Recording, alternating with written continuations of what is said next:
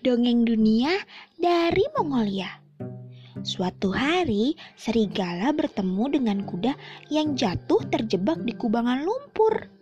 Serigala hendak memaksa kuda tersebut. Ketika dia ingin makan, oh, hmm, tunggu, tunggu, tunggu, tunggu, tunggu, tunggu, Tuan Serigala.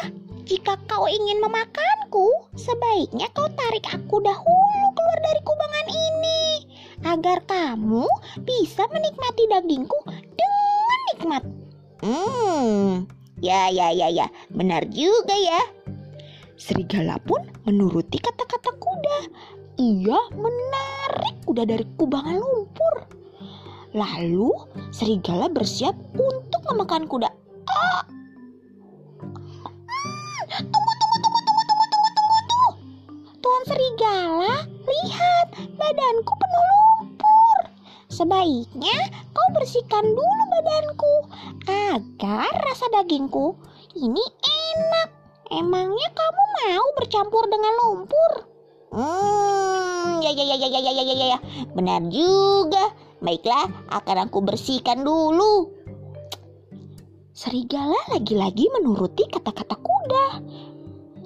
Hmm, lalu ketika sudah bersih, serigala bersiap untuk memakannya. Tunggu, tunggu, tunggu, tunggu, tunggu, tunggu, tunggu dulu.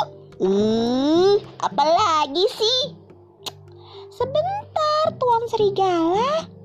Sebagai permintaan terakhirku, maukah kamu membaca tulisan yang ada di lapak kaki belakangku? Hmm, ya ya ya ya ya ya ya ya ya ya, tentu saja. Sebagai permintaan terakhirmu akan aku kabulkan. Kuda lalu mengangkat salah satu kaki belakangnya. Saat serigala mendekat hendak membaca tulisannya, kuda segera menendang serigala hingga! Tuing!